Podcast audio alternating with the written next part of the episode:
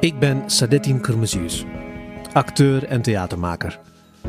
Sinds 2010 maak ik als artistiek leider van Sadettin K theatervoorstellingen met als rode draad identiteit. Kleine en grote verhalen, vertellingen waarin maatschappelijke en actuele onderwerpen vanuit een heel sterk persoonlijke en autobiografische blik worden behandeld en waarvoor ik met humor, zelfrelativering en ernst in de geschiedenis van Nederland en de wereld duik, maar ook in mijn eigen geschiedenis graaf. En dan sta ik vaak in mijn eentje op het toneel. Deze theatervoorstellingen maak ik niet alleen. Daar werken heel veel mensen aan mee, zowel voor als achter de schermen. Hoe dat allemaal in zijn werk gaat? In deze podcast laten we deze mensen aan het woord. Mensen die niet zo vaak in de spotlight staan, maar die voor mij wel een hele belangrijke rol spelen bij het maken van een voorstelling. Van dramaturg tot marketeer, van lichtontwerp tot decorbouw. Zonder deze mensen was geen van die voorstellingen mogelijk geweest. Het is tijd dat zij een podium krijgen. En daar kun je nu naar luisteren. Welkom bij Meestervertellers. Je gaat luisteren naar eh, Caspar Schellingerhout, acteur, uh, muzikale alleskunner, uh, componist van, uh, van C13K. oud-klasgenoot van mij op de acteursopleiding in Maastricht hebben wij elkaar leren kennen. Dus wij gaan ver terug, kwamen we laatst ook achter. Casper van de Putten, ga je naar luisteren. Regisseur, theatermaker, schrijver. goede vriend. heeft een aantal van onze voorstellingen geregisseerd. Is betrokken bij uh, andere voorstellingen geweest. Leest mee. Uh, we gaan nog andere dingen doen. En Liet Lenshoek, uh, dramaturg die ik ken van haar tijd bij het Rood Theater. nu actief als, we noemen dat loods. Dus zij begeleidt mij in de periode voor de repetities. Eigenlijk door het hele jaar heb ik gesprekken met haar over wat mijn plannen zijn en waar ik het over wil hebben, et cetera. Is eigenlijk een soort superklankbord. En daar ga je naar luisteren. Welkom, Casper, Lied en Casper. We hebben twee Caspers, maar de ene is Caspar. Hallo. Hallo. Van de muziek en de andere is Casper. Hoi. Dus ik denk dat ik jullie zo een beetje uit elkaar ga houden en uh, hopelijk heeft de luisteraar dat door. Kunnen jullie jezelf even voorstellen? Wie zijn jullie? Wat doen jullie bij Sadet in K? Wat doen jullie überhaupt in het dagelijks leven? Caspar, uh, kan jij beginnen? Ja, nou, ik ben Caspar Schellingerhout. Ik ben uh, vader van twee echtgenoot oh. van één. ik heb een uh, huis in Antwerpen. En bij Sadetten K maak ik uh, vooral de muziek. Mm -hmm. En ik speel ook af en toe mee. Of dat ja, is altijd een, uh, een grappig onderzoek bij ieder proces, wat, wat de verdeling daarin is. maar ik ben afgestudeerd acteur, maar eigenlijk al van af daarvoor muzikant. Dus ik probeer altijd die twee disciplines met elkaar te vermengen. Vind ik zelf het leukst. Ja, en die, inderdaad, die, die rol die wanneer je ook meespeelt, wanneer je vooral muzikant bent, is denk ik een interessante om het zo nog verder over te hebben. Hoe mm -hmm. jullie dat indelen. Uh, maar Lied, kan jij eerst vertellen wat jij doet? Ja, ik ben Lied Lenshoek en ik ben dramaturg. En ik heb met Vedette samengewerkt ik heb hem gevraagd bij het Rood Theater. Toen maakten we Code 010. Toen stortte het Rood Theater in. En toen ging je, daarna? Ging je vrij snel daarna. Oh, dat is geen Niet helemaal door Sadetten, maar nee. en uh, daarna ging je naar Den Haag. En ben ik meegegaan als dramaturg. En nu werk ik vier dagen per week als artistiek leider bij Like Minds. En heeft Sadetten mij gevraagd als loods om uh, uh, niet als dramaturg bij de producties, maar om door het jaar heen om gesprekken te voeren. Wat Eigenlijk is dat, een, over, een loods? Nou, uh, zoals met een boot, snap je? Dat je, boot, dat je een boot de haven inloodst. Ah, ja. En dus ik zit niet meer intensief bij de producties, maar wel voer ik het gesprek met hem van wat hij wil gaan maken en, en hoe hij dat voorbereidt. En is dat een bestaande, hebben jullie zelf dat, die dat functie heeft bedacht? helemaal zelf bedacht. Ja, ik vind het wel een goede ja, naam. Maar ik vind ik ook goed. Niet, ik had er nog nooit van gehoord. Ja. ja. ja. Past dat goed bij jouw naam inderdaad? Liekeloods, ja. Lenshoek. Ja, ja. Oké, okay, en, uh, en Casper? Ik ben Casper van de Putten. En ik ben regisseur en schrijver. En dat doe ik ook um, bij Sadet K. Ik ken Sadetin en daarmee ook Caspar van de toneelschool. Caspar mm -hmm. uh, en Sadetin zaten één jaar boven mij. Je hebt me ontgroend. Oh, is dat bij de toneelschool ook een ding? Nee, helemaal niet. Maar gewoon leuk om te zeggen. Maar wij hebben het bij Casper wel. ik wist niet dat het geen ding was. Maar uh, uh, nee, dus, dus zo kennen we elkaar al een tijdje. Want dat was, ik kwam in 2004 op de toneelschool. Daar heb ik de regieopleiding gedaan. Vanuit daar zijn we elkaar zo af en toe tegen blijven komen.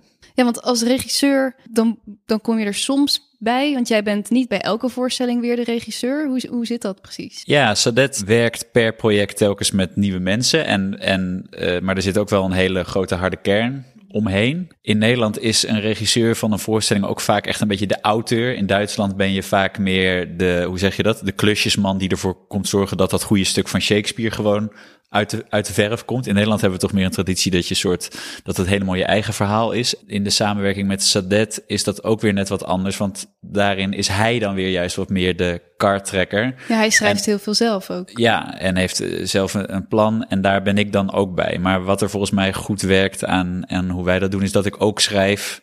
Dus dat, we, dat ik niet alleen wacht tot het klaar is en dan begin te regisseren, maar ook al meeschrijven en meedenken over hoe het zou kunnen gaan. Sadet en K maakt denk ik twee, soms wel drie voorstellingen per seizoen. En van regisseur wisselen is ook een manier om, om de kleur van een voorstelling te veranderen of zo. En, en ik denk dat dat daarom, vind ik ook heel goed dat we dat niet altijd samen doen, maar dat we dat eh, ja, af en toe, we hebben dat nu twee keer intensief samen gedaan.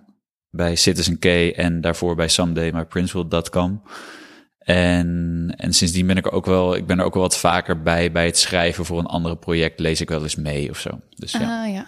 ja, ik begreep dat je wel een soort rode draad bent in het, in het geheel. Ja, inderdaad. Ja, we gaan gewoon wat langer terug en die samenwerkingen gaan de hele tijd heel vloeiend. Dus ik denk dat ik er zo ook steeds wat meer, wat dichter tegenaan schurk.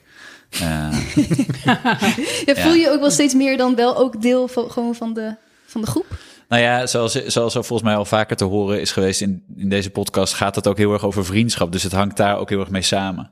En wat voor mij ook als regisseur, gewoon voor mijn, voor mijn hoe zeg je dat, mijn, mijn solo carrière, zo, uh, zoals je dat zou noemen, is, is de voorstelling Someday My Principal, dat kan een hele belangrijke voorstelling geweest. Daar, daar kan je wel een soort, als ik nou mijn eigen carrière teken, dan is daar wel een soort groot omschakelingspunt. En ik heb daarin ook weer voor projecten die ik maakte bij Theater Utrecht of het Nationale Theater, heb ik ook weer Sadet in, uh, uh, bij de Family in Utrecht speelde Sadet in een van de hoofdrollen. Bij de Summer of 96 bij het Nationaal Theater speelde hij een van de hoofdrollen. Dus zijn we ook blijven samenwerken en elkaar opzoeken. We hebben ook nog heel lang gewerkt aan een filmscript voor Someday My Principal.com, wat op een gegeven moment is opgehouden. Maar we zijn daarin eigenlijk, is dat nog die, dat is eigenlijk nooit meer opgehouden, die samenwerking. Ja. En we zijn ook gewoon, uh, we waren al bevriend en zijn steeds betere vrienden geworden. Dus dat, dat hangt allemaal zo samen.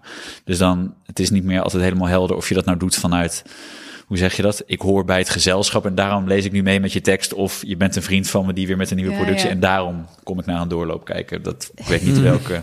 dat wisselt een beetje met ja, elkaar. Precies. Ja. Caspar, andere Caspar. Uh, jij gaat dus ook al heel lang terug met uh, Sadetin. Jullie zaten samen in dezelfde klas? Ja man, wij zaten allebei in de acteursklas in en, Maastricht. En, en klikte dat ook met jullie gelijk goed? Ja, ik denk dat wel uh, dat dat wel op school. Ja, we hadden gewoon een grappig klasje. Maastricht is wel een toneelschool die destijds in ieder geval uh, een heel duidelijk profiel van het soort acteurs uh, afleverde of zo. Er werd wel toegewerkt naar, dan ga je bij een gezelschap, ga je toneel maken. En iedereen wou dat ook dan wel zijn of zo. Mm -hmm.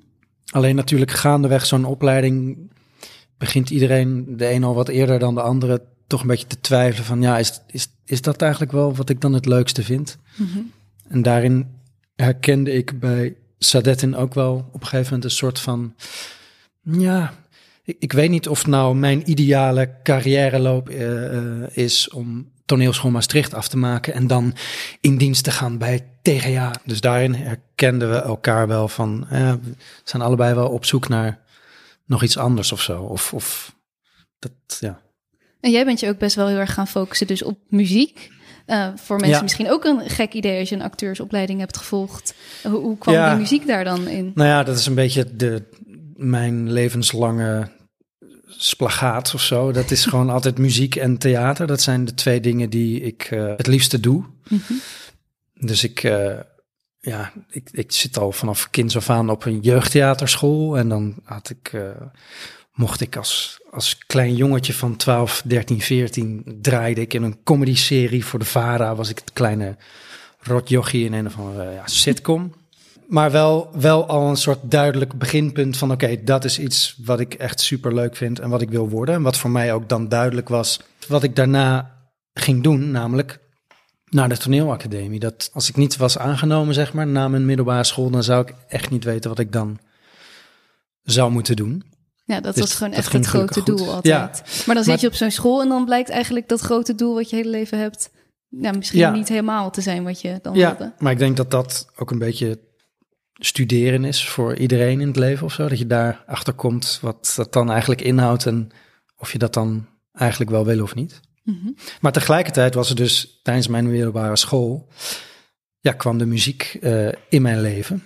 Stichtte ik een bandje in Den Haag, Dollhouse Drama. En dat is gewoon mijn, eh, mijn grootste jeugdliefde altijd gebleven. Dus dat was ook, die band bestond nog steeds toen ik op de toneelacademie zat. Ik moest soms twee keer per weekend optreden met die band. En dat was gewoon eh, ja, echt een groot ding. Ramses, de geluidsman, Mhm. die je hier ook al eh, in, de, in de uitzending hebt gehad. Dat was onze vaste geluidsman van die band. Dus echt al heel vroeg en die liefde voor toneel en voor muziek. Ja, en dan op de toneelacademie kwam ik dus twee gelijkgestemden tegen... Die, ja, die eigenlijk ook niet zo goed konden kiezen tussen muziek en theater... of die toch het liefst het allebei wilden. Dat waren Victor Griffioen en Erik van der Horst. Mhm. Waarmee we dan samen toch in eerste instantie gewoon een voorstelling wouden maken over een metal band. Dus zochten we de slechtste naam die je kunt verzinnen voor een metalband. Dan waren we uitgekomen, nou, de Sadists. En via, via, via eh, zijn we dan bij Orkater terechtgekomen. Die timing was gewoon heel goed. Dat wij daar toevallig rondliepen als studenten nog. Het jaar voordat Orkater eh wou beg- beginnen met hun eh, nieuwkomers Ja, ze hebben een soort traject waarbij eh, inderdaad Ja. ja. jonge theatermakers bij hun soort van Ja, kunnen ontwikkelen.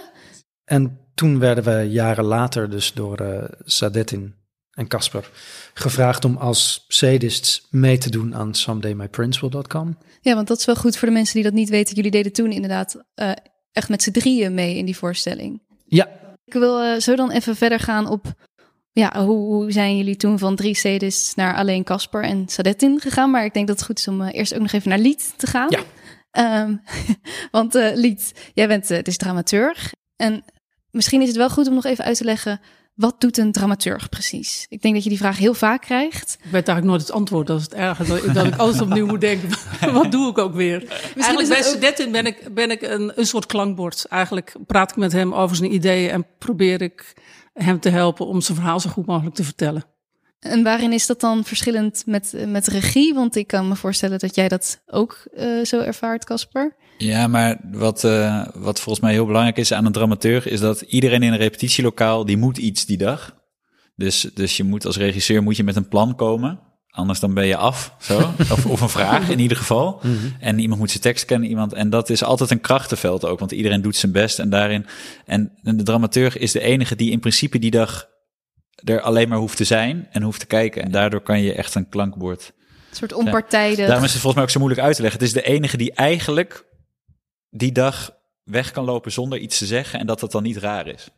Ja. Nou, nou, Ik ben wel degene die de vra die vragen kan stellen aan het eind van de dag. Van, Ja. hè, maar jullie zijn de hele dag, maar waar gaat het eigenlijk over? Ja. Klopt het eigenlijk wel? Ja. Hij belt ook heel vaak van, ik denk nu dit, ik denk dit, denk even met me mee. Ja. Dus eigenlijk wil hij ook gewoon zijn verhaal kunnen vertellen. Eigenlijk houdt hij zijn verhaal tegen me aan. Kan ik ook zeggen, volgens mij is het gelul, moet je dat niet doen. Of, eh, of ik, kan, ik, kan, ik kan hem helpen om dat... Om dat eh, maar goed, het is heel moeilijk precies aan te wijzen. Want ik zat te denken aan Citizen K. Toen waren we bij jou thuis. En toen vertelde Sedette over dat hij het huis had gekocht. En dat, ze, dat hij het zo moeilijk vond als zijn moeder op bezoek zou komen. Dat hij eh, haar zou moeten omhelzen om duidelijk te maken. Mensen, dit is niet de schoonmaakster. ja, dat zit ook in de voorstelling. En, ja, dat zit ook in de voorstelling. En toen was jij, van, toen was jij eigenlijk, omdat, terwijl je hem al zo lang kent, was je redelijk van slag daarvan. En toen zei Casper, volgens mij moet je gewoon, eh, eh, daar is het eigenlijk begonnen, moet je eh, eh, eh, 100 punten, ga maar 100 punten opschrijven waar je Ja. last hebt van dit soort dingen. Waar je je buitengesloten voelt. Dus Casper kwam met het idee en dan belt hij mij wel van, is dit iets, zou ik dit verder uit kunnen werken? Ah ja, maar, eh, is Maar- het dan, loopt het dan nooit door elkaar heen? Dat, dat jij denkt van, hallo, ik heb een opdracht gegeven en gaat hier lied weer eh, zitten? Nee, nee, nee als, er- als het goed is, loopt het door elkaar heen. Maar als het, en als het werkt, dan, dan is dat juist heel prettig. Zo, dat er een soort. Eh, Dat bedoel ik met dat, dat, dat, dat, dat een dramaturg in principe niet die ambitie heeft of zo. Dat, die kan er dus die kan er naar kijken en die kan ook denken van ja, maar volgens mij. Volgens mij doen jullie dit nu. eh, volgens mij ben je dit nu aan het doen omdat je bang bent dat, dat, dat die rol anders te klein wordt. Of volgens mij is dit meer. Er, er spelen zoveel krachten in zo'n repetitielokaal. En een dramaturg kan daardoor die afstand ook een beetje weg van blijven. Eh, of ja, maar nu, nu hebben jullie vandaag je zo in rondjes geluld dat jullie helemaal die kant op gaan met de voorstelling. Terwijl dit was de kern. Het heeft ook met schrijven van een tekst vaak ook, de, eh, heeft, helpt Lied ook heel erg bij, eh, bijvoorbeeld bij Citizen K, eh, de functie die een, een redacteur zou hebben bij het schrijven van een boek. Dus gewoon het meelezen, zeggen van hier begint het zich te herhalen. Deze thematiek merk ik dat ik heel erg interessant vind en zou verder uitgewerkt kunnen worden. Eh, dat, zijn, dat zijn dingen die ook dan vanuit het meelezen meer. Ja, dat, dat vond ik altijd leuke dagen. Dat was, ik weet niet of dat Citizen K was, maar doop in ieder geval. Dat we gewoon repetitiedagen hadden. Dan zaten we met z'n drieën in het, eh, in het lokaal. Dus ik, Sadetin en Lied. En ehm, ik was gewoon een beetje met mezelf aan het eh, jammen en een beetje liedjes aan het proberen te maken en loops op te zetten, een soort sfeer in de ruimte creëren. Sadetten was dan op die live muziek aan het eh, typen. En Lied zat op een andere laptop in de Google Drive mee te lezen met wat hij aan het Oh. typen was. En dan waren we gewoon een soort eh, live aan het, aan het scheppen. Dat lijkt me heel bijzonder, maar ook lastig om dan live, eh, als hij dat net aan het schrijven is, kan je daar dan gelijk al iets op teruggeven?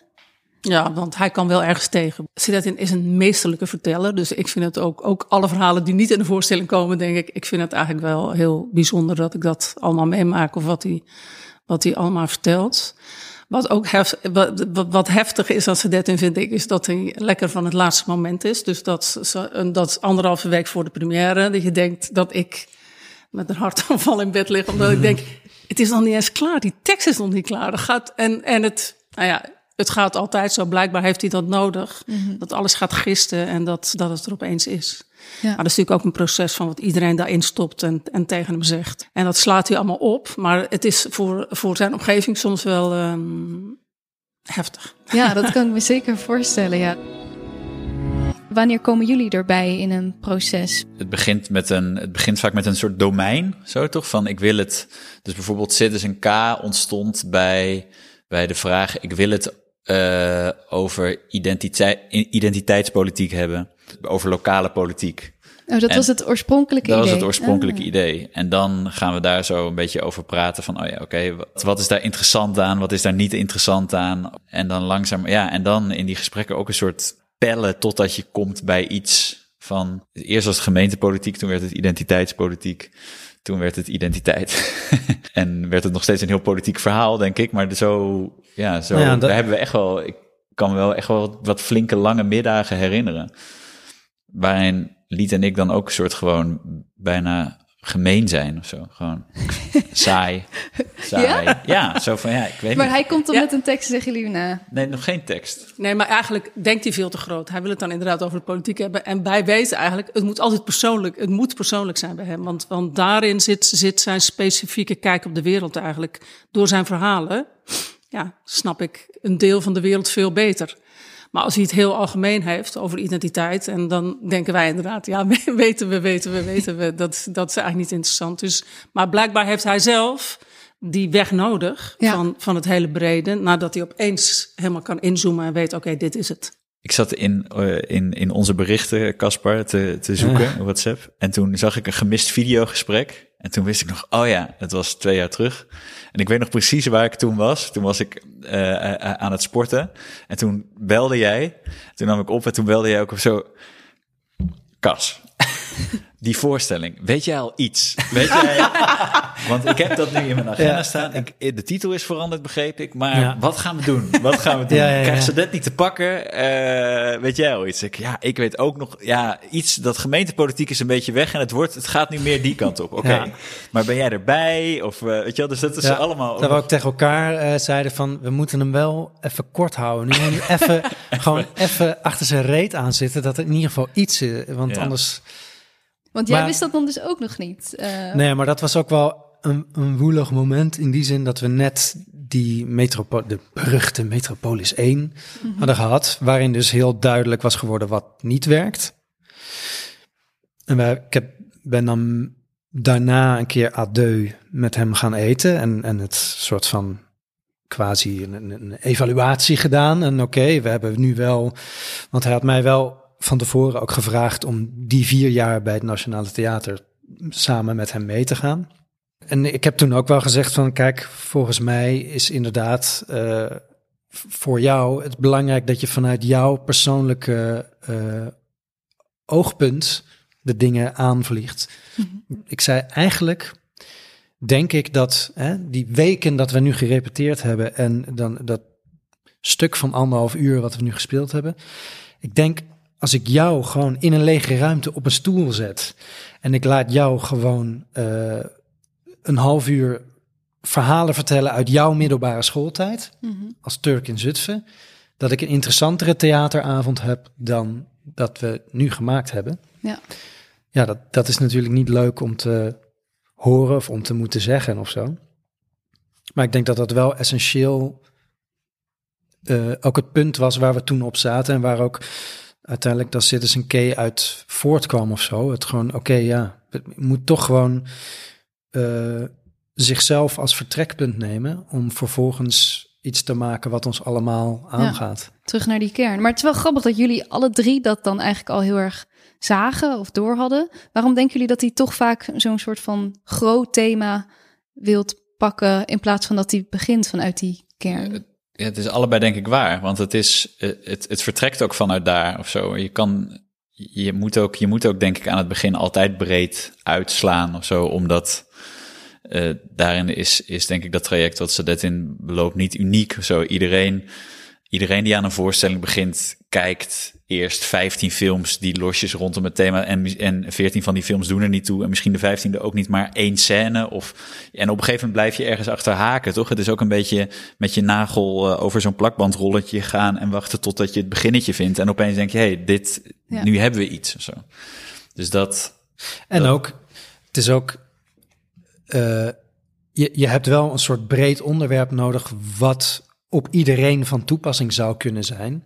Ja. Om eh, een soort aan te kunnen Ja. haken bij een groter publiek. Want het alleen maar hebben over jezelf en wat jij hebt meegemaakt in jouw straat op die dag, dat- daar zit Ja. ook niemand op te wachten. Je wil natuurlijk wel dat die anekdotes gekaderd worden in een soort iets waar we allemaal ja. eh, iets mee te maken hebben. Ja, anders dan is het Sadet in K Ja. speelt de zomervakantie Ja, van precies. 1998. Wel Dit, nou, dit is mijn vakantiefilmpje. Ja. Dat is, eh, daar ik. zijn we toen. Die die berg heb ik beklommen. Maar hoe doe je dat dan? Want het voelt wel echt inderdaad super persoonlijk. En hij vertelt wel echt die anekdotes uit zijn eigen leven. Maar hoe, hoe doen jullie dat in zo'n proces? Hoe zorgen jullie dat het dan toch eh, universeler wordt? Het gaat natuurlijk nog steeds over identiteitspolitiek, die hele voorstelling. Dus inderdaad, we weten in theater, je kunt niet iets, universe- je kunt niet iets heel groots vertellen, want dan vertel je niks. Nee.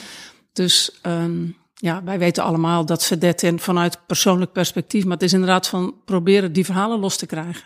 Eigenlijk, als hij, als hij bij zijn verhalen komt, die aansluiten bij dat onderwerp, dan, dan is er een hele grote slag geslagen. Ja, en ik denk ook, dat vind ik zo tof. En dat is waarom ook bijvoorbeeld die Someday My Prince Will Dat kwam zo belangrijk is geweest. Ook voor mij persoonlijk. Je, hè, in, in kunst heb je het eeuwige gesprek over vorm en inhoud. En, en, en je kan zo, je talent kan in een van de twee liggen. Maar je hebt ze altijd, je hebt ze allebei nodig om, om iets moois te maken. En ik kwam ook meer van het filosoferen en de theorie uit. En bij, bij Someday My Prince Will Dat kwam, merkte ik voor het eerst hoe essentieel een vorm kiezen is voor om die inhoud goed eh, t- tot zijn recht te laten komen. En, en bij Sadetin heeft dat voor mij vaak te maken met waar begin je met vertellen? Dus vanuit welk punt vertrek je? Dus bijvoorbeeld dat gesprek waarin we aan het praten en praten en praten waren. En hij zei van oké, weet je wat ik zei, maar ik snap het nog steeds niet. Wat is nou het punt? Wat is nou het punt? En Liet en ik maar door zaten te zagen, onaardig. En hij op een gegeven moment ook bijna in het nauw gedrongen van oké, luister. Ik heb net een huis gekocht. Ik lig s'avonds in mijn bed. Dan ben ik aan het nadenken over hoe ik mijn fucking moeder ga ontvangen in dat huis, terwijl het mijn huis is. Oké, Zo, tot zover gaat het. En als dat dan raakt, dan, dan weet je van, ah, maar dan is dat, dan begint daar voor mij de voorstelling. Dus dan is dat de allereerste scène.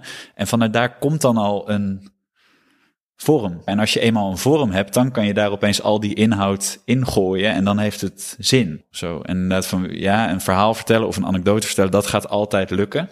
Dat is het talent, weet je wel. Dat is het talent dat hij heeft. En hij heeft ze ook allemaal. En als het niet uit zijn eigen leven is, dan is het wel over het Romeinse Rijk of zo. Moet je voor de grap is, daar kan je pas een podcast over Niet maken. over geschiedenis beginnen met Sadetten, want dan Ja. ben je dus een half uur van je dag kwijt. Als je geluk hebt. Maar als je hij weet kan. geschiedenis, maar toch ook nieuws en actualiteit. Hij weet van alles heel veel. Alles. Idee. Ja, een soort informatiespons. maar zo, en maar da- daarvan, daar probeer ik, als ik dan eh, bij, bij Sadet K aan boord stap, probeer ik daar altijd het strengste op te zijn. Van ja, oké, dat is allemaal, maar wat is de vorm? Wat is de vertelvorm? Waarin gaan we het hebben? Hebben jullie een favoriet moment in de tijd dat jullie nu met elkaar werken? Eh, de, in de afgelopen jaren hebben jullie momenten waarvan je dacht, dat is me altijd bijgebleven? Ja, daar, daar heb ik, daar heb ik zo'n, daar heb ik zo'n heerlijke herinnering aan dat. Dat was de laatste week van het repetitieproces van SamDemmerPrince.com. Dat was een proces wat, ja, wat gewoon maar niet op gang kwam. We hadden die CD's die helemaal op het toppen van hun kunnen zaten. Dus Cas en, en, en Victor en Erik. En, en Sadet die ook net zijn, zijn vorm gevonden. Dat geweldige verhaal van zijn zus, die zichzelf vrij heeft gemaakt van de familie. Via een weg die je niet verwacht. En het was eindelijk gelukt. We hadden een doorloop tot de helft en die was goed. En we dachten, dit zou... Terwijl we hadden die, dat, die voorstelling eigenlijk al drie keer gecanceld in ons hoofd, denk ik. Van dit wordt toch nooit wat. Oh ja? Er waren ook nul kaarten verkocht, nog niks. Niemand... Maar ja, dat had ook te, te maken met... Dat was de eerste keer dat wij... We kenden elkaar wel, maar we hadden nooit samen iets gemaakt. En dan merk je gewoon dat vertrouwen wat er nu is bij zo'n groep. Ja, wij kennen elkaar niet. niet. Wel eens iets van, ja, we gaan het wel zien nu. En Die gasten die hebben gewoon geen- geen tekst af. Eh, wij, wij moeten dan... Ja, wat is dit allemaal, joh? We hadden ook nog, maar we hadden net de doorloop gedaan van de helft. Dat we dachten, ah, we hebben nu een vorm gevonden om die kracht van de sadist samen te brengen met de kracht van Sadet. En er was nog één deel in het verhaal wat we verteld moesten krijgen, namelijk hoe de verloving ging van, van die zus. En daar hadden we even een heel kort scènetje, want we waren kapot. We, we hadden echt heel lang tot in de avonduren al weken gewerkt om dat werk wat maar niet op gang kwam recht te zetten. Heel kort scènetje waarin we dat dan verteld hadden. En dat klopte. Jullie speelden dat drie keer. En toen hadden we allemaal zoiets van, Ah, het was vanmorgen zo goed en dit is gewoon een heel normaal scènetje. En we hadden dat idee nog voor die Bollywood scène, waarin we een hele Bollywood film na zouden doen. Oké, het is acht uur s'avonds. Gaan we dat doen? Nee. Nee, fuck it, laten we het doen. Maar dan willen de sadist ook per couplet snel schrijven. Zodat en ik snel schrijven. Dan willen jullie ook muziekinstrumenten wisselen. Ah.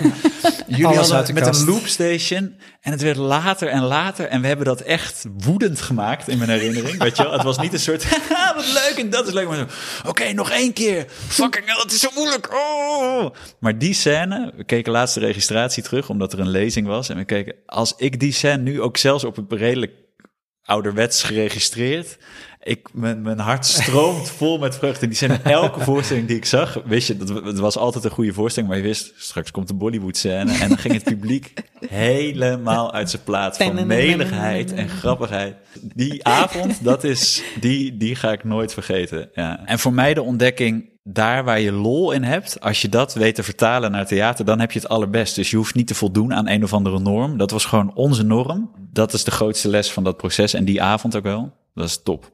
Ik heb eigenlijk alle verhalen die hij vertelt over zijn moeder. Die zijn voor mij, die openen een wereld. Want hij heeft ook met corona, hoe zijn moeder opgesloten zat en naar Turkse nieuws luistert. Dus eigenlijk alle verhalen die hij vertelt via zijn moeder, die openen voor mij zo'n gigantische wereld. Ik denk, jeetje, ja. hij kan dat heel mooi vertellen, maar dat gaat ook over een hele grote eenzaamheid en over niet betrokken worden in deze wereld. En, en ja, dat vind ik altijd wel heel mooi hoe hij dat, uh, hoe hij vol liefde naar je moeder kijkt en ook kan zien ja, hoe, die, hoe ze hoe ze geïsoleerd is eigenlijk van alles. En van Turkije en van Nederland. Ja, dat raakt me altijd heel erg. Mooi. Ja. Heb jij er al één? Nou ja, ik, ik, ik zou denk ik eerder neigen naar gewoon de ontwikkeling. Want wij hebben nu zoveel dingen samengemaakt. En wat ik heel fijn vind, is dat ik denk te merken dat Sadet in, in een soort uh, rustiger uh, vaarwater is gekomen. Wat ook helpt gewoon mm, voor hem om uh, bij die kern te komen in zichzelf. En daar kwetsbaar vanuit te kunnen vertrekken om een verhaal te, te vertellen. Denk ik, ah ja, dat is ook wel echt een ontwikkeling geweest die, nou dat Citizen K daar ook wel echt een belangrijk punt is geweest. Waarop een soort, een groep die dan al gewoon een tijdje samen dingen maakt. Dat er gewoon dat vertrouwen zo sterk is, allemaal in elkaar. Dat je gewoon uh, weet dat het sowieso een hectische stressbende wordt tot, tot in de allerlaatste week. Maar dat je ook elkaar allemaal al een paar projecten kent en weet, dit ziet er volgens mij niet uit, maar ik weet zeker dat Sascha eh, twee dagen van tevoren net daar toch nog een kleedje overheen legt, waardoor opeens patching, ah, en het slaat daarop en daarop en daarop. En dat mensen ook denken, waarschijnlijk bij mij, van nou, dit, wat, dit klinkt helemaal nergens naar of dit zit in de weg. Maar dat, je, dat er een soort rust is en een vertrouwen wat heeft kunnen groeien in de loop der jaren. Ja, wat heel aangenaam is om, om in te werken. Maar hoe werkt het dan voor jou als je dus ook in zo'n proces zit en de tekst moet nog heel erg gemaakt worden en je bent nog echt met elkaar aan het zoeken? Hoe maak jij dan muziek? In eerste instantie heel intuïtief, maar kijk, ik, ik ben er ook heel erg uh, gewoon um, in gedachten bij. Of ik, dat is toch ook een, zeker de eerste twee, drie weken is altijd een soort intellectuele conversatie over de koffietafel. En dan wat, wat moet het zijn? En dan je geeft ook eens een opmerking en de helft uh, wordt, wordt, daar wordt niks mee gedaan of zo, maar die gaat wel in de gemeenschappelijke rugzak voor de voorstelling. En vanuit die energie en dan de eerste flarde tekst of het eerste decorstuk wat opgerold wordt of zo, dat je dat, dat, dat zijn allemaal impulsen die je dan meeneemt. Dat is ook elke keer anders. Ja, dus, en jij bent een acteur dat is volgens mij waarom het altijd zo goed werkt. Dat jij ook als je niet iets zegt, maar muziek maakt, dan ben je tegenspel aan het bieden aan wat er gebeurt. Ja. En dat is gewoon, vind ik, de grote kwaliteit van Caspar. Of waarom dat hem zo uniek maakt. Dat hij niet een pure componist is, maar hij is een theatermaker, acteur. En hij kan heel goed muziek maken. En daardoor is het altijd een soort, kan hij al die dingen die hij nu net noemt, soort opvangen en dat vertalen naar Wacht even, dat decorstuk en dat gesprek aan de koffietafel, dat betekent dat de voorstelling deze kant op gaat. Bling, bling nodig heeft. En dan denken mm. andere mensen, want muziek is er, als het is, is het altijd meteen zo goed. Ja. En dat is dan weer heel erg inspirerend. Sadet schrijft bijna alles wat hij schrijft op jouw muziek. Ja. Zet hij dat ah, dus aan. Eigenlijk komt jouw muziek die dan al, eerst. Ja, ja. Die dan al zijn, of de schetsen die er zijn, die zet Sadet dan weer op repeat en dan gaat hij weer typen.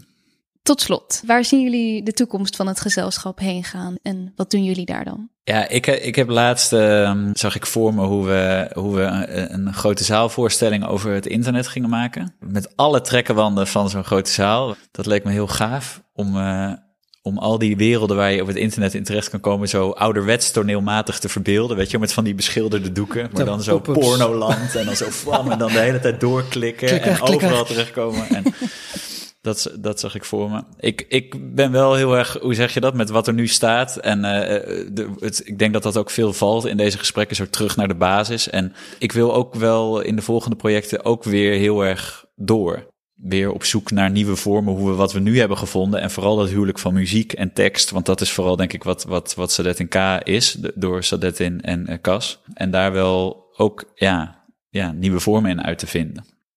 Ik zat net te denken, volgens mij gaan jullie met z'n drieën. Zou die film, ik vind het heel erg dat die film niet gekomen is. Dus nu, je, eh, nu je, jullie een vervolg gaan maken op de zus van Sadetin. Volgens mij moeten alle eh, producties die de afgelopen jaren over Sadets familie zijn gemaakt op een hoop worden gegooid en moet dat een serie worden. Oh, dat is eigenlijk. Uh, kan ook. Ja. Ik denk dat dat. Ja. Dat is volgens mij de beste, beste manier. Leuk. Nou, wie weet. Heel erg bedankt. Jij bedankt. Dankjewel. Dankjewel. Je hebt weer geluisterd naar uh, dit gesprek, zoals wij allemaal. Wat verraste je in dit gesprek? Eigenlijk wat mij het meest verraste is, is gewoon heel particulier, maar wat liet zij op het eind. Die verhalen over mijn moeder, dat ze dan noemt. En dat ik dan dacht van, oh, oh, ik vertel daar heel makkelijk over. Maar dat zij daar dan toch, en dat is dan haar blik, hè? Dat is dan wat zij ziet. Dat ze denkt van die wereld, dat is een, uh, een ongelofelijke onbekende wereld. Zij zei ook laatst tegen mij van jouw grote kwaliteit is dat de, jij hebt toegang tot verhalen eh, waar de meeste mensen geen toegang eh, toe hebben. Toen dacht ik, oh ja, maar dat heb jij dan door. Jij ziet dat dan. Je hebt daar toegang toe omdat, je die hebt meegemaakt? Ja, of ik ken nou, bijvoorbeeld een verhaal over mijn moeder, wat ik haar dan zo vertel. Dat zij denkt van, maar dit is, dit lees ik nergens terug. Of dit, hier hoor ik nooit wat van. Zo, ik denk dat ze dat bedoelt. Eh, dat verraste mij het meest dat ze daar zo eh, door eh, geraakt werd. En dat ontroerde mij heel erg, dat lied dat zij. Dat vond ik heel erg lief, eigenlijk. En wat wat Caspar vertelde, Caspar, over die ontwikkeling. En dat, Ja. dat je ja, ook gewoon steeds, ja, ook steeds rustiger daarin bent geworden. Voel je dat zelf ook zo? En, en waar ligt dat aan, denk je? Ja, het is, Caspar heeft, Caspar heeft echt de diepe dalen en de hoge pieken meegemaakt. Hij is eigenlijk betrokken geweest bij bijna alle succesverhalen.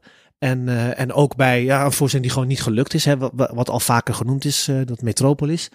En daar was op een gegeven moment wel heel duidelijk, daarna was wel heel duidelijk van, hé, hey, maar dit moet ik gewoon niet doen. Ik moet gewoon zoeken naar waar ik het eigenlijk over wil hebben en vanuit waar ik het over dingen wil hebben. En dat is toch echt die persoonlijke zoektocht, dat persoonlijke vertrekpunt. Maar die periode, ik kan me dat nog herinneren, dat ik op een gegeven moment zo van, oh ja, ik ga een nieuwe voorstelling maken. Eh, ja, jeetje, wat doet het er eigenlijk toe? Bijna dat. En heeft ook een ontnuchterend effect gehad op dat hele, hé, hey, maar theater en kunst. Ja, wacht even, er zijn ook echt andere dingen belangrijk in de wereld. Zoals eh, de mensen die je lief hebt. Hoe werd bij jou toch weer dat vuur aangewakkerd van nee, maar ik, heb, ik wil wel weer iets vertellen? dat de belangrijkere dingen ook heel theatraal kunnen zijn of interessant voor het theater. Want eh, waar Casper, Casper, de regisseur, het dan over heeft, over die gesprekken die ik met hem en liet en ja, politiek, gemeentepolitiek, ja, boeien. En, maar ik dacht misschien ook wel, ja, wat zou mij het boeien, weet je, waar moet ik het dan over hebben? Dat eh, de gemeenteraadsverkiezingen zijn gewonnen door die, ja, nou en. Terwijl ik op dat moment met iets heel anders bezig was, namelijk, nou ja, eh, wat hij dan ook zegt en wat ook uiteindelijk in Citizen K terechtgekomen is, dat ik een huis heb gekocht. Een hele toffe buurt, heel mooi huis, waar ik eigenlijk de, de rest van mijn leven ga, willen wonen. Maar ik wel denk van, ja, maar wacht even, als mijn moeder hier komt, moet het wel duidelijk zijn dat het mijn moeder is, hè jongens. En niet eh, de schoonmaakster. Ja, dat soort dingen was ik veel meer mee bezig van, ja, theater, dit is belangrijk. Dat ik daarmee zit. Waarom zit ik hiermee? Eh, hoe ben ik zo gek geworden?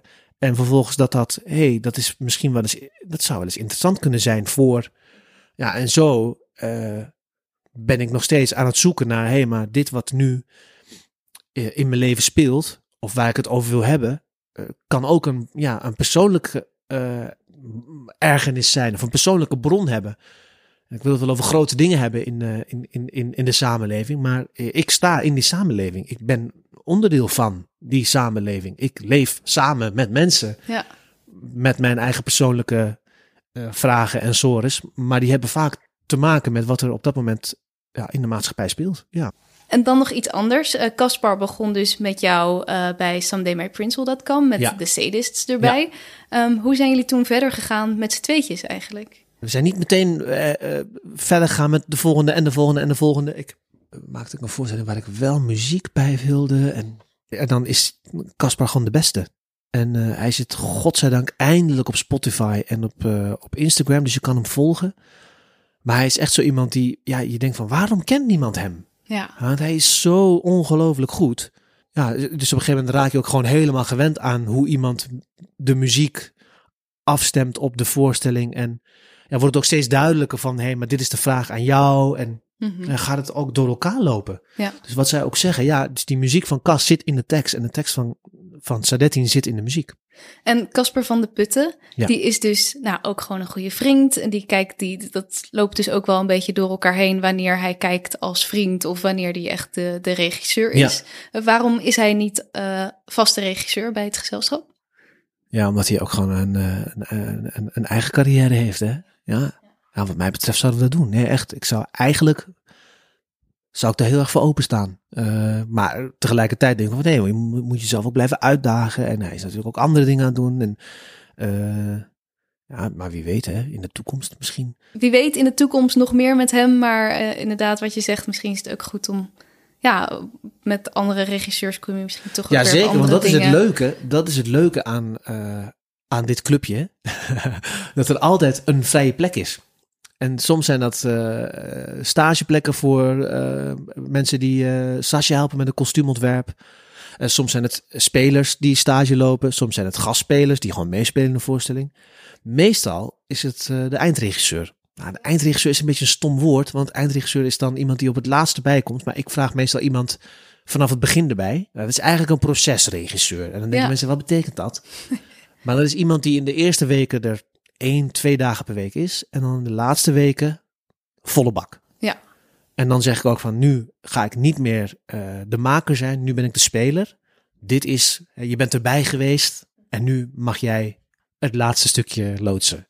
Zo gezegd. Ja. En dat is heel leuk, want dat is altijd iemand anders. En wat vond je van al hun uh, leuke toekomstplannen voor uh, inderdaad een film en uh, Nou, die tv-serie, ik, uh, ik weet niet wie er allemaal luistert naar deze podcast, maar ik vind dat echt wel ja. zeer de moeite waard om over verder te praten. Want kijk, een, een, een, beetje succesvolle theatermaker heeft tegenwoordig wel gesprekken met die uitgeverij en die vraagt wel van, hey, heb je er wel eens over nagedacht om een boek te schrijven? Maar dat kost veel tijd. Wordt jou dat ook wel eens gevraagd? Ik ben al uh, meerdere malen door meerdere uitgevers uh, benaderd. En dat is heel erg leuk, want het staat heel chic van nee, ik ga een boek schrijven. Maar eigenlijk, uh, ik schrijf theater. Ja. wat ik heel erg de moeite waard vind, is nu, ook omdat ik met Casper van de Putten al best wel ver gevorderd was in de verfilming van SundayMyPrinciple.com. Wat uiteindelijk niet lukte, juist omdat we ook gewoon druk waren met theater. Maar um, die verhalen, ja, dat zijn wel hele gave verhalen. Ja. Hele bijzondere verhalen van die familie van mij. Die staan voor iets universelers, hè, wederom. Maar dat zijn wel een uh, miniserie of vijf, zes waard. Ja, dat meen ik echt serieus. Dus uh, ik, ik sta er absoluut voor, voor open. Ja, nou, Zeker. Wie er luistert. Ja, bel, bel me. Bel me, app me. Nee, ja, of niet, hè? Maakt niet uit. Ik bedoel, nee. ik, ik ga toch wel verder met theater maken. Ja, dus het, het theater maken blijft het belangrijkste. Ja, 100%. Maar mocht er tijd voor zijn, ergens toch, is het uh, geen gek idee. Ja, en kijk wat we nu net hebben gedaan met uh, Citizen K, die tv-bewerking voor de NPO. Ja, dat was ook heel erg tof, hè? Dat je ziet van, hé, hey, maar dit is een andere, dit is een soort andere taal hebben we bedacht. Die, die je in eerste instantie helemaal niet voor ogen hebt, maar die wel heel goed werkt. En uh, ja, mijn eerste liefde is absoluut theater. Want ik vind dat toch echt, uh, en dat mis ik heel erg nu, die ontmoeting met mensen. Zo in een ruimte zitten en hardop denken. Van gedachten wisselen met mensen eigenlijk. Of jouw gedachten. Uh, want het is niet de bedoeling dat mensen. Hè? Rob de Graaf zei, Rob, Rob, de Graaf zei ooit: uh, theater is eigenlijk een gesprek hè, tussen toeschouwer en publiek. Een heel gek gesprek, want de ene gesprekspartner wordt niet geacht terug te spreken. Maar dat, dat mis ik heel erg. En maar ik vind dat moment ja, dat, dat het dan zo dat moment is en daarna ook weg is. Ja, ja man, ik vind dat echt magisch. Absoluut. Magisch. We hebben nu vier afleveringen opgenomen. Ja. Uh, nou, de harde kern denk ik wel gesproken. Ja. ja. hoe kijk je terug op deze afleveringen? Heb je nieuwe dingen geleerd? Um... Ja, dat ik omringd ben door fantastische mensen die het uh, beste met uh, niet alleen mij, maar ook de wereld en het theater voor hebben dat ik echt wel een enorme bofkont ben. Ah, maar stuk voor stuk fantastische mensen. Niet alleen maar heel lief, maar ook heel erg goed. En ik hoop dat uh, mensen die hiernaar luisteren ook uh, begrijpen wat het, um, wat het kost. Qua inspanning, qua denken, qua moeite, qua werken.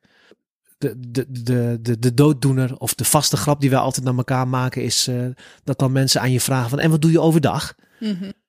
Uh, maar dit doe ik overdag. En dit doen zij ook overdag. Dit is hun werk. En hun werk is, ja, verhalen vertellen. Ik ben heel blij dat, uh, dat, dat ik met deze mensen deze verhalen mag vertellen. Dat is echt een cadeau.